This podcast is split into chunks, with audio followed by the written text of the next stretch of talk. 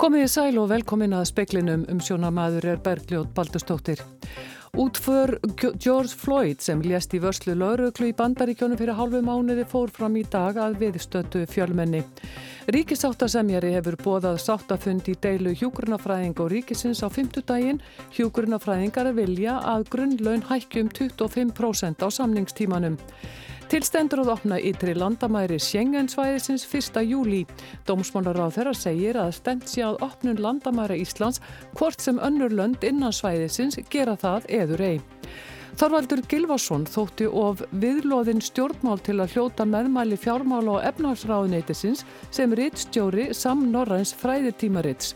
Hann taldi ráninguna frágengna en tveimur vikum síðar var hún dreyin tilbaka.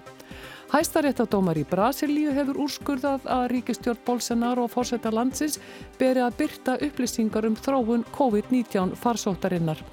Og búast náðið töfum á umförðum ringvegin í Mósfellsbæ í allt sumar en þar eru að hefjast framkvæmdir við tvöföldun Vesturlandsvegar í norður átt. Útför George Floyd sem lést fyrir tveimur vikum eftir að lauruglumar þrengtaði hálsans stendur nú yfir í Houston í Texas. Um 600 manns eru viðstættir útförina bæði fjölskyldans og þekkt fólk úr bandarísku þjóðlifi til að mynda tónlistamenn og stjórnmálamenn. Þúsundir manna hafa vottað Floyd virðingu sína frá því að kistan var flutt til Houston í gær en þar verður hann borin til gravar við hlið móður sinnar.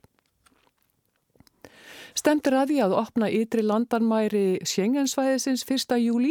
Frá 20. mars hefur útlendingum nema ríkisborgurum ESB, EFTA og Breitlands verið óheimilt að koma til landsins nema vegna brítna erinda í samræmi við tilmæli leiðtóðar ás Evrópusambandsins. Áslög Arna Sigurbjörnsdóttir, dómsmálaráð þeirra, segir að stemt sé að opnun landamæra Íslands hvort sem önnur lönd innan svæðisins gera það eður ei. Sengen ákveður að halda áfram sínum uh, lokunum á ytri landamærum fyrir einhver ríki en við að hleypa fleiri löndum til okkar og þá þurfum við að hafa brottfara eftirlit í Keflavík og í dag fyrir ekki fram neitt brottfara eftirlit sem sett inn á Sengen svæðið og það þarf því að koma því upp og það er talsverðu tilkostnaður en við munum undibúa það ef þörf verður á slíku frá 1. júli.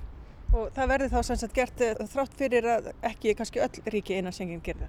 Við stefnum að því. Ég hef sendt bref til uh, Schengen, Franklandstjórnar ESB, uh, til þess að greina frá þeirri leið sem við getum farið út af okkar sérstöðu, bæði sem eiga, en líka út af okkar hagsmunum að fá hér ferðamenn utan Schengensvæðisins, um að við gætum viðhaldið eftirliti fyrir Schengen þó að við hleypum aðilum hingaðinn. Og það er það sem við erum að miða að og ég hef upplýst við því segir áslögarna Sigurbjörnsdóttir, Alma Ómarsdóttir talaði við hana.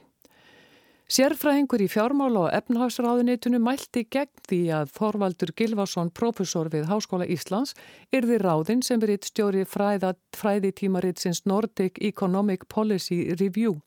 Ástæðan var sögð pólitísk afskipti Þorvaldar og þáttakans í stjórnmálum.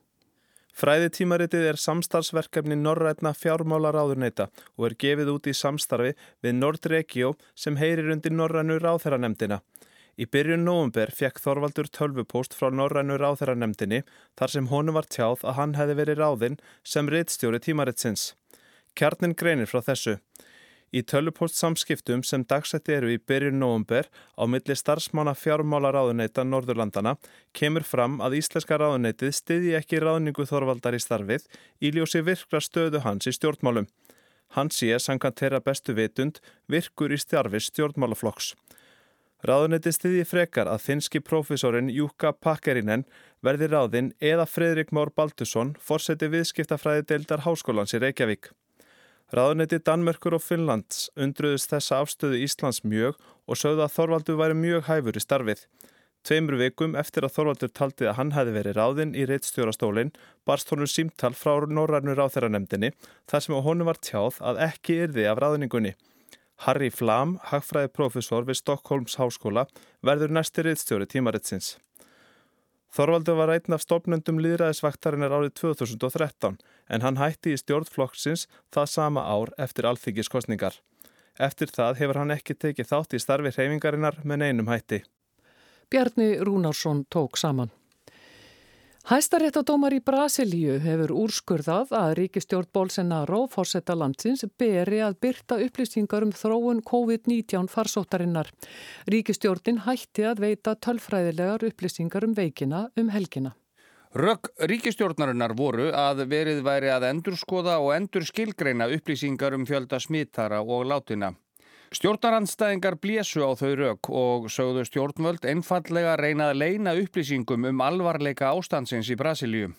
Samkvæmt ofinbjörn tölum hafa meira en 37.000 manns týnt lífi vegna veirunar og 711.000 smitt eru staðfest. Einungis í bandaríkjónum eru fleiri smitt staðfest. Stjórnarandstæðingar hafa í tengslum við þessa ákvörðun stjórnvalda rifjað upp þegar að herfóringjastjórnin í landinu lendi upplýsingum um mislingafaraldur árið 1970 með hörmulegum afleðingum. Aleksandri de Moraes, hæstaréttadómari, veitti ríkistjórninni í gerðkvöldi 48 klukkustunda frest til að hefja aftur miðlun upplýsinga til almennings. Bolsonaro, fórsöti landsins, hefur átt í stanslösu stríði við fjölmiðla síðan veikin hófa breyðast út í landinu. Hann segir fjölmiðla fylla almenning kræðslu en sjálfur segir hann að COVID-19 sé saklaus kvefpest. Jóhann Líðar Harðarsson sæði frá.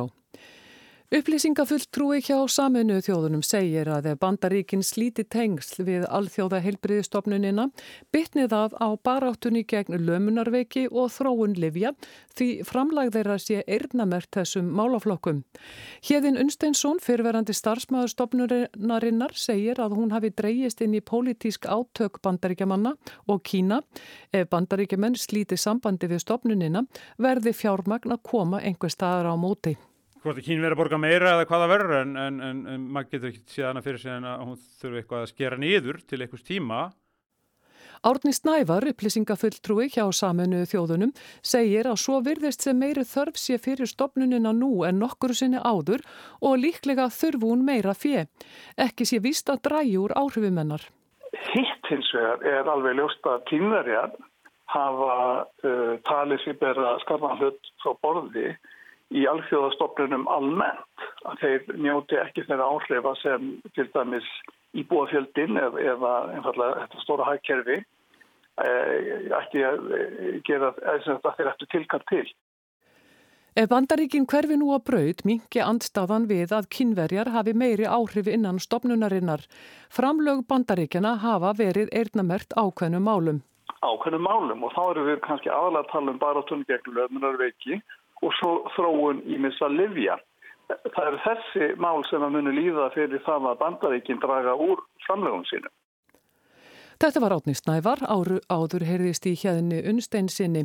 Nánar er fjallaðum átökinum alþjóða helbriðistofnunina á rúf.is.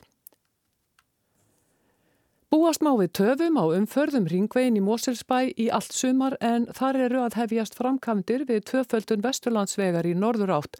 Meðan á þeim stendur verður umferð á einni agrein í hvora átt. Vegagerðin tilkynntu um framkandirnar í dag en breytingar á umferðarskipulagi hefjast strax í kvöld. Áallad er að þeim ljúki í september. Meðan á framkvæmdum stendur verður umferð á einni akrein í kvora átt og hámarskræði lekkaður í 50 km á klukkustund. Búast má við að umferð verði hæg þar í gegn. Einar Már Magnússon, verkefnastjóri hjá vegagerðinni, segir að ekki sé hægt að beina umferðinni annað á meðan. Þarna er bara einfallega engin möguleiki á slíkum aðgerðum. Það er hérna Það eru íbúða hverfi öðrum megin og, og, og klöpp hinnum megin. En skýtur það ekki skökku við að ráðast í þessar framkvæmdir á sama tíma og Íslendingar eru kvattir til að ferðast innanlands? Sömarið er nú bara sá tímið þar sem að umferðin er minnst. Þó að við séum að ferðast þá eru við sko, núna eru við til dæmis að akkurat búin að loka eða skólatin hættir og hérna allt sem á því fylgir þannig að, þannig að þetta er einfallega sá tími sem er bestur. Hefði ekki verið sniðt að gera þetta í samkominnbanninu? Já, þá var ég bara ekki búið að njúka þetta samningu og varðandi þetta. Það var eiginlega ekki, ekki möguleiki en svona eftir á higgja það hefði það verið alveg tipp-topp. Og þetta var Einar Már Magnússon, Alma Ómástóttir talaði við hann.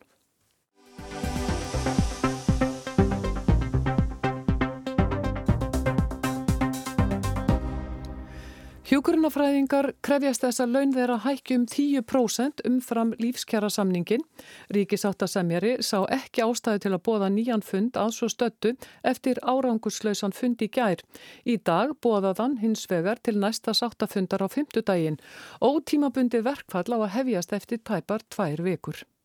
Það má segja að kjaraviðrar hafi bráðum staðið yfir samflitt í tvö ár. Viðrar á almenna markaðnum hófust setni hluta ás 2018 sem laug með lífskjara samningnum sem hefur gefið tónin í öðrum kjaraviðraðum. Flestir samningar ofinbæra starfsmanna losnuði í lokum mars í fyrra, samningamennu voru kannski bjassinir því ákveðið var að gera hlýja á viðræðum í júli í fyrra, svo þeir kæmist í sumar frí enda samfélagi há lamað og erfitt að kalla menn saman til viðræðnam. Flestir byggust við að samningar yrðu kláraðir þá um haustið þegar menni kæmu endur nærðir úr fríi. Fríðarskilda var ákveðin fram í september Samningar letu hins vegar standa á sér og dróðust að langin þeir tókust þó á mörgum vikstöðum þegar langt var liðið á vor og ár frá því að samningar losnuðum. En samningavirðanum er ekki lokið þá eftir að semja við hjúkunafræðinga, flugfreyjur, sjómenn, lauruglumenn, lækna, grunnskólakennara, leikskólakennara, tónlistamenn, leikara og fleiri félög. Ekki hefur verið rætt um að gert verði hlýja á viðræðum til að samningamenn komist í sumafrí eða í kjara viðræðum sem hefur ekki verið vísa til sátarsemjara. 13 deilur er, eru nú að borði ríkisátarsemjara. Hann setti þessa tilkynningu á vefin í gær.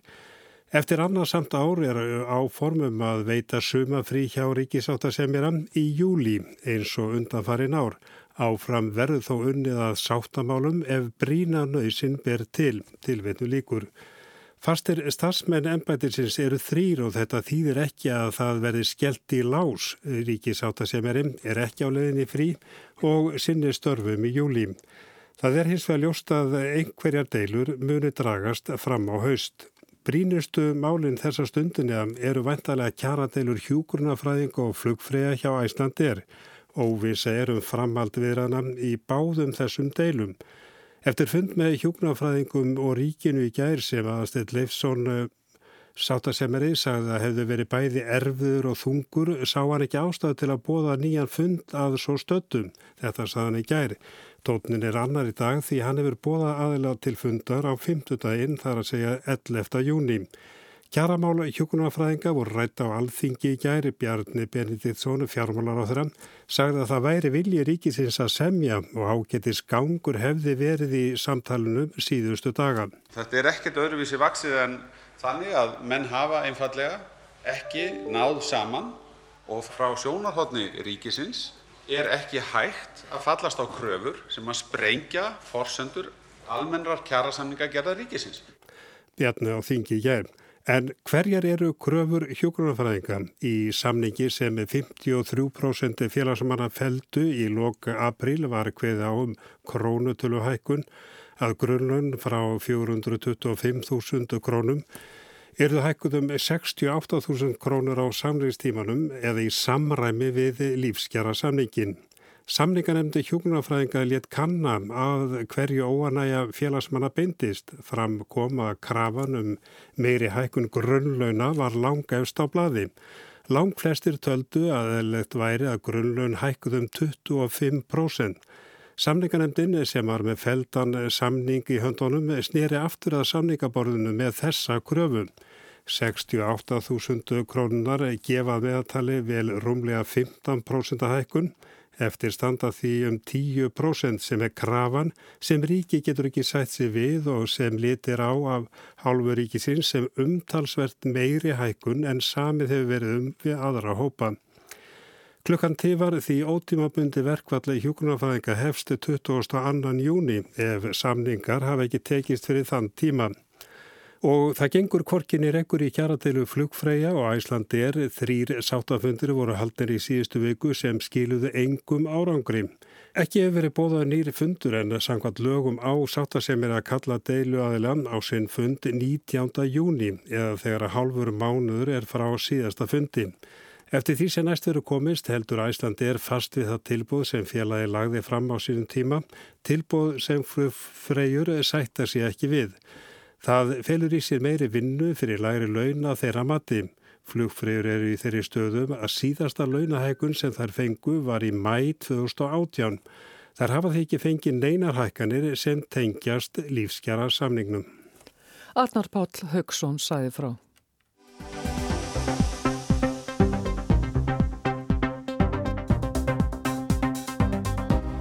Nýlega voru samþygt lög á alþingjum vernd uppljóstrara og taka þau gildum næstu áramót.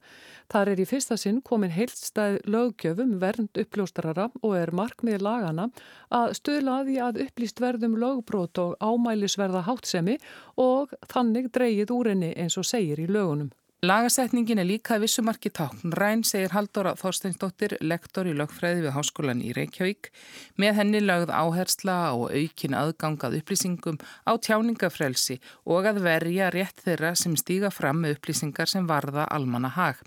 Lögin séu þýðingar mikil þó að nokkur vernd hafi þegar verið til staðar.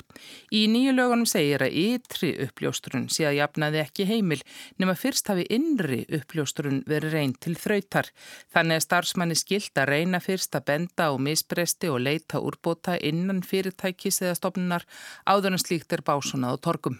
Já, þannig verður auðvitað verið að tryggja það að hérna, ef það dugar til að leita á náður þeirra sem að starfa hjá fyrirtækinu og það getur þá komið veg fyrir frekari broti eða, eða þetta kursun er einhvern veginn leiðrættur og því stígi að þá eru auðvitað hefnilega að það sé gert hann er svona gripi til vægari úrræða til, til að byrja með.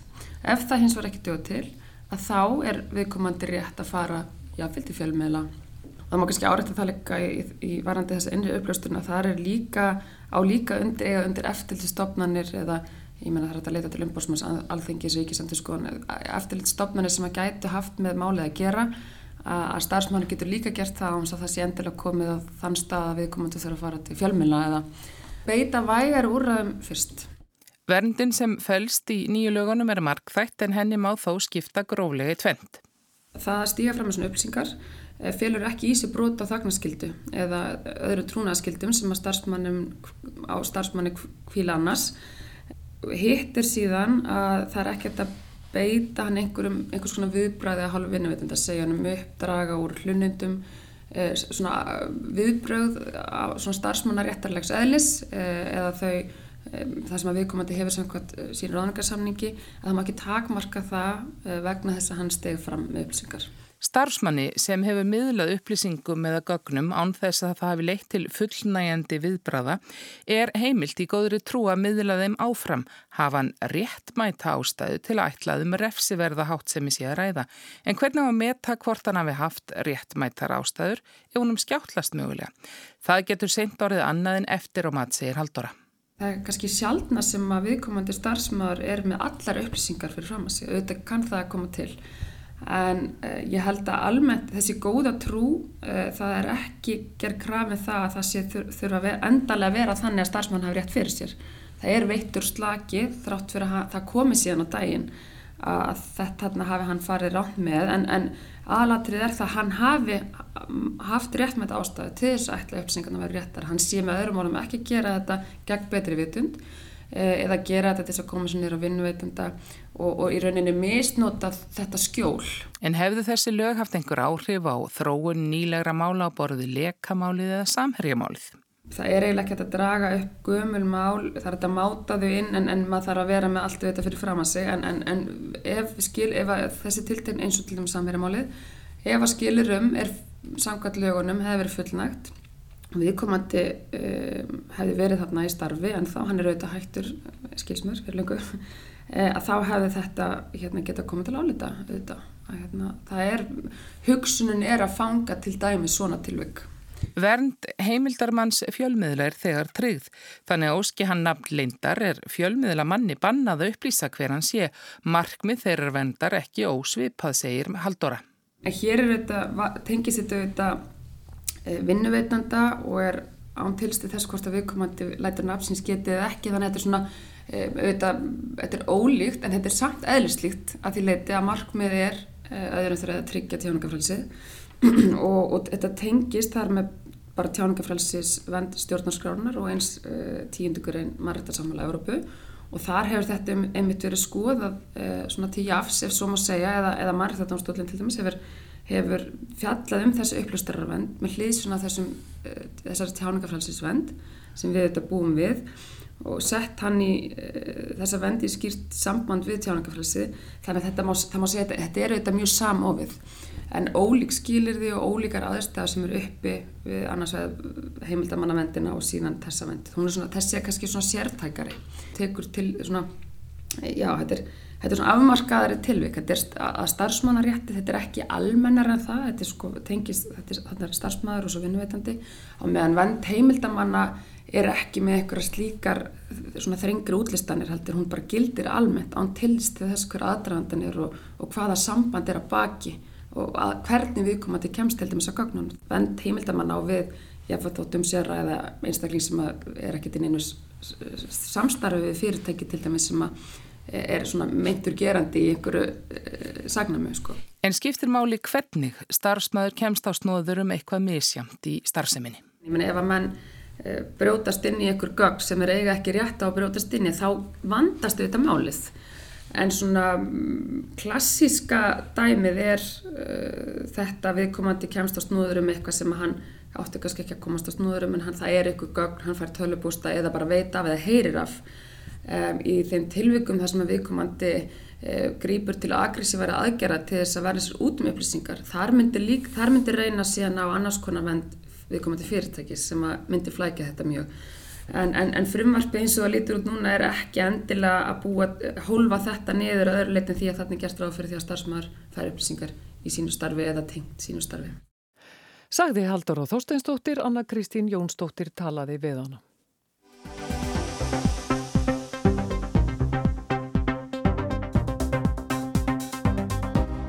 Fast eignamat næsta árs var kynnt fyrir sléttri viku síðan. Það hækkaði um 2,1% frá fyrra ári.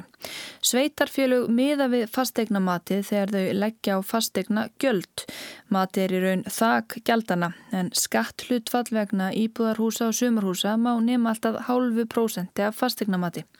Það getur verið strempið að meta virði fastegna, sérstaklega á minni stöðum þar sem eru fáar reyfingar á markaði. Árlega endurmetur þjóðskrá Íslands þó virði allra fastegna á Íslandi alls ríflega 200.000 eignir. Íbúðaregnir, það er eitt aðalflokkurinn og í rauninni lang flestar egnir eru íbúðaregnir og svo er tölur fjöldi sumarhúsa og svo eru við til að mynda með jarðir líka og náttúrulega atvinnegnir sem getur verið mjög mismundi skrifstofu húsnæði verslunarhúsnæði yðnarhúsnæði og náttúrulega uh, líka egnir sem eru mjög sérhafðar og engungu byggðar fyrir uh, tiltekna nótkun. Segir Margrét Haugstóttir forstjóri þjóðskrár. Markmið starfsfólks þjóðskrár er alltaf það sama. Alltaf er þetta viðleitnin að finna markasverð egnarinnar. Í fyrra hækkaði matið um 6,1% og árin þar á undan hafi verið umtalsverðar hækkanir. Margrét segir verðin verðast verðan á jafnvægi núna en markaðurinn sé þó enn mjög virkur. Þetta er umtalsverð minni hækkun milli 2019 og 2020 en var árinu undan. Þá var það reyflega 6%. Þannig að hækkarnir eru, eru hóflegri það, en það er virk, mjög virkur fasteignamarkaður. Við höfum það marka kaupsamninga. Það er tölvöru munur eftir, eftir landsvæðum. Það er mest hækkunin á, á vestfjörðum. Hvað er það sem að skýrir það? Horfið þið bara til frambóðs og eftirspurnar eða eru það fleiri þættir? Eh, þetta gengur út á það að við erum með eh, kaupsamninga á 12 mánuða tímbili og við skoðum það bara í rauninni hvað þróun er á kaupverði sangkvæmt kaupsamningunum.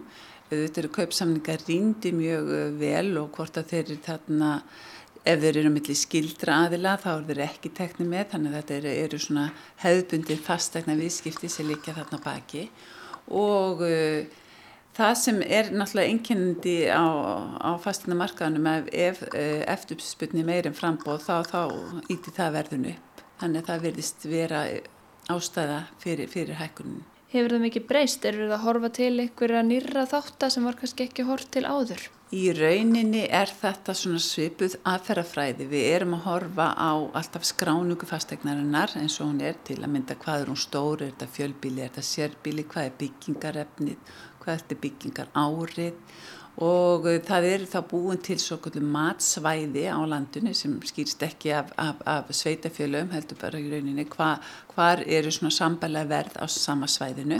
E, við þurfum alltaf líka að, að búa til rekni aðferðir þannig að, að breytur séu inn í rekni aðferðunum sem skipta máli í huga kaupandans og kemur fram í kaupverðinu og svo núni í fyrsta skipti þá erum við svona við yfirferð og að sannreina okkar reikni líkon að nota gerfigreind. Það er í fyrsta skipti ár sem við gerum það og það er svona til þess að finna út er þetta eðlileg dreifing og þetta er rauninni til að, að sannreina reikni líkonin. Eru þau að horfa til þátt að eins og til dæmis bara nálaðar við sundlaug eða skóla eða golfvöld eða eitthvað þess aftar? Það er bara margs konar þættir sem, sem skipta máli og til að mynda Um, eru til undimatsvæði og, og yfirmatsvæði innan matsvæðis til dæmis ef, ef, ef ákveðinar húsegnir liggja við umferðagötu þá getur það orðið að undimatsvæði og það er þá þáttur sem hefur eh, líkur á því að kaupsverði lækki. Svo til dæmis ef það er sjávar sín eða útsýni þá er það þáttur sem er frekar til lækunar þannig að þetta, þetta er allt sem að tekja í myndina Hvað er erfiðast við þetta? Þið meðin ekki kannski vera með hugulagt mat en það er ótal þáttir sem að koma inn í þetta lendið oft í, í einhverjum vandræðum. Það, það sem er, getur verið erfiðast er það, þegar það eru fáið kaupsamningar um tilteknar eignir á okkur svæði og þá er hægt að horfa til fyrri ára og það er hægt að horfa til nærlíkjenda svæða og það er líka verið að leita að hvað eru svona sambarleg svæði til þess að geta stækka mengið með kaupsamningun. Við verum til dæmis að horfa á eins og tálnafjörðarrepp þar sem að eru ekki mjög margir íbúar og eru ekki mjög margar egnir. Það er það kannski e- einn eða tveir kaupsamningar sem geta haft rosa mikil áhrif á því svæði. Já og það er náttúrulega verið þá að horfa á fyrir þróun verið á undarförnum árum og, uh, og líka finna sambarli matsvæði eins og ég sagði á þann sem hægt er að, að miða við og hefur verið svipið þróun þá til einhver, einhvers tíma en vissulega er þetta alltaf svolítið vand, vandasamt og, og við getum ekki eld einstaka sveplur heldur við erum við svolítið að sjá þróun í gegnum kaupsamlingana. Hafið einhvern tíma norði vörfið það að það sé verður að hafa áhrif á matið með því að kaupa eignir á einhverju ákunni veði þar sem að er unni munar um hverja eign? Ég man ekki til þess að við hefum nokkur tíman haft ágjörð því. Eh, allir kaupsamlingar eru ríndir þannig allt það sem þykir eh, ekki vera í takti við eh, markaðinn það þarf þá að skoða, skoða þá samninga vel og, með, og við tökum, höfum tekið út svona samningan og þeir eru þá bara ekki með í, í gagnasettunni sem er grundulli fyrir nýtt fastegnamann. Nú eru margir í framkvæmdum. Nýjar innréttingar á baði eða eldhúsi hafa ekki áhrif á fastegnamatið Það er einfallega gert ráð fyrir því að viðhald fastegna sé gott. Margrét segir að sé fólk að gera breytingar sem að auka virði eigna til muna eigið að óskaftir endurmati á brunabótamati. Helstu breytingarnar á fastegnamatinu ár lúta þessu með gerfigreindina. Margrét telur að hún kunna verða nýtt í auknum mæli í framtíðinni til að spá fyrir um líklagt kaupverð ákveðinar eignar á ákveðinu matsvæði. Alltaf út frá kaupsamningnum í stað þess að vera búið til eigilegt eh, rekni líkan eða formúlu. Önnur breyting sem gerðar í ár tengist mati á hlunindajörðum. Selveiðar teljast ekki lengur til bútrienda en það bannaðar. Það vísur ekki komin reglugerð og ekki hægt að taka selveiðarnar alveg út. Þessi fyrrum hlunindi eru því metin á litlar þúsund krónur. Hægt er að senda aðtúasemdir við fastegnamati fram til áramóta. Margrét segir að alla jafna berist um eða undir þúsund aðtúasemdir á ári. Það er vegna um háls prósent þeirra eigna sem að voru endurmetnar. Það er nær undantekningalust eigendur sem gera aðtúasemdir en ekki sveitafélagin. Oft uh, lítur þetta lækumatsins en svo er það líka alveg dæmið það að eigendur vilja sjá herra, herra, herra, herra fastegnamati á sinni og það er bara um að gera að, að lítið mála að fyll út auðublaðið og senda okkur ef fólk er annarkort að byggja um skýringar eða, eða bara byggja um breytingumatti og sendir raukstöðning. Og þá er ekki fleira í speklinum. Um, Tæknum að það var Ragnar Gunnarsson, verðið sæl.